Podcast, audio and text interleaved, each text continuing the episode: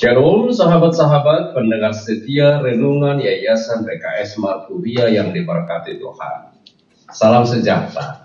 Senang sekali hari ini kita boleh bersama mendengarkan firman Tuhan, merenungkan dan menjadi panduan kita sepanjang hari ini. Kita mulai dengan bernyanyi.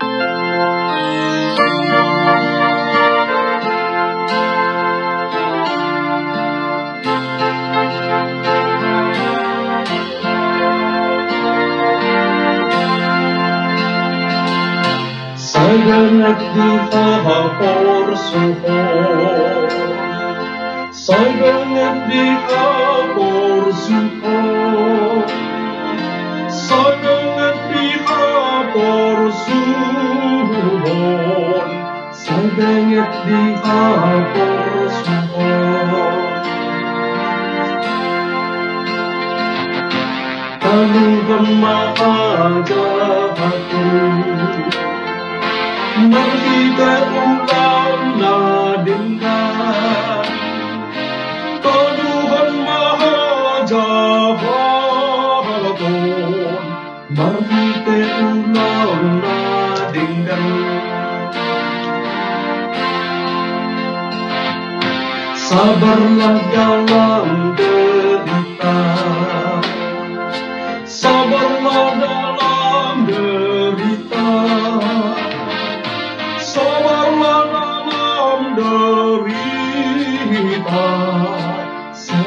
Sabarlah dalam derita.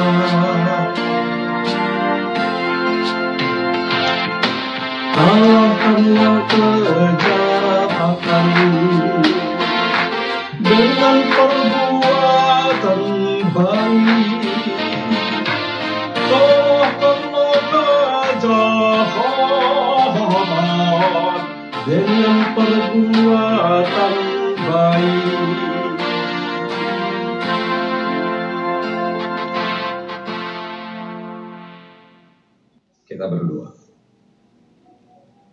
Tuhan, kami mohon kehadiran rohmu untuk menguasai hati dan pikiran kami, serta mengajar kami untuk boleh mendengar, menghayati, dan menjadi pelaku firman-Mu dalam nama Yesus.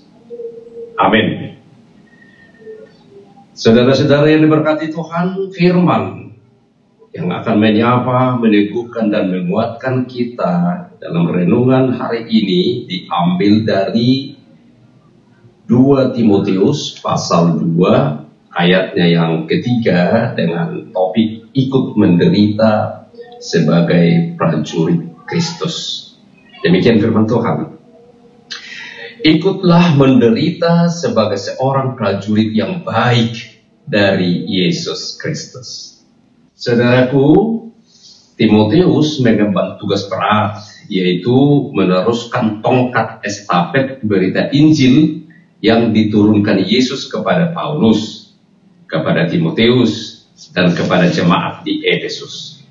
Timotius memerlukan dukungan dan dorongan agar dia tetap kuat dan bersemangat serta percaya diri. Seorang prajurit sebagaimana digambarkan Paulus harus menggunakan pakaian perlengkapan senjata Allah, berikat pingkangkan kebenaran, dan berbaju cirahkan keadilan, berkasutkan kerelaan memberitakan Injil. Gunakan perisai iman dan ketopong keselamatan serta pedang roh, yaitu firman Allah mengandalkan kekuatan kasih karunia Kristus Yesus. Paulus mengambil contoh dedikasi seorang prajurit yang tertib dan patuh, berdisiplin, lengkap dengan pakaian senjata Allah. Saudaraku, Rasul Batak Nomensen meneruskan tongkat estafet kepada nenek moyang kita, kepada kakek nenek kita, kepada orang tua kita, kepada kita dan anak-anak kita. Dia rela menderita, meninggalkan kenyamanan hidup di negara, di negara industri yang sudah maju dengan penerangan listrik dan kendaraan cepat. Nomensen memilih keluar masuk perkampungan melalui hutan belukar dengan berjalan kaki demi mengemban tugas pemberitaan Injil. Sehingga nenek moyang kita menerima Injil anugerah keselamatan dan diwariskan sampai kepada kita. Kita juga punya tanggung jawab meneruskan tongkat estafet berita Injil tersebut kepada keluarga kita, saudara kita, sanak famili kita, bahkan kepada mereka yang masih hidup dalam perhambaan dosa. Saudaraku, sejauh mana tanggung jawab itu sudah kita jalankan? Tidak mudah, butuh pengorbanan, tetapi dibandingkan dengan pengorbanan Yesus kepada kita, masih belum seberapa. Dibutuhkan kesadaran dan pengorbanan seperti seorang prajurit dalam memberitakan Injil.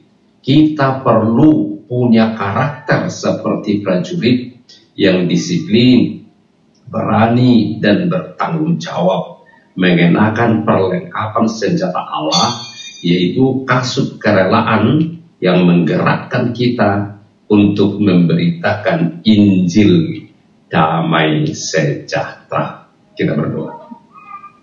Tuhan, ajar kami untuk tetap menggunakan kasut kerelaan memberitakan Injil sebagai tugas dan tanggung jawab kami ikut menderita sebagai prajurit Kristus. Amin.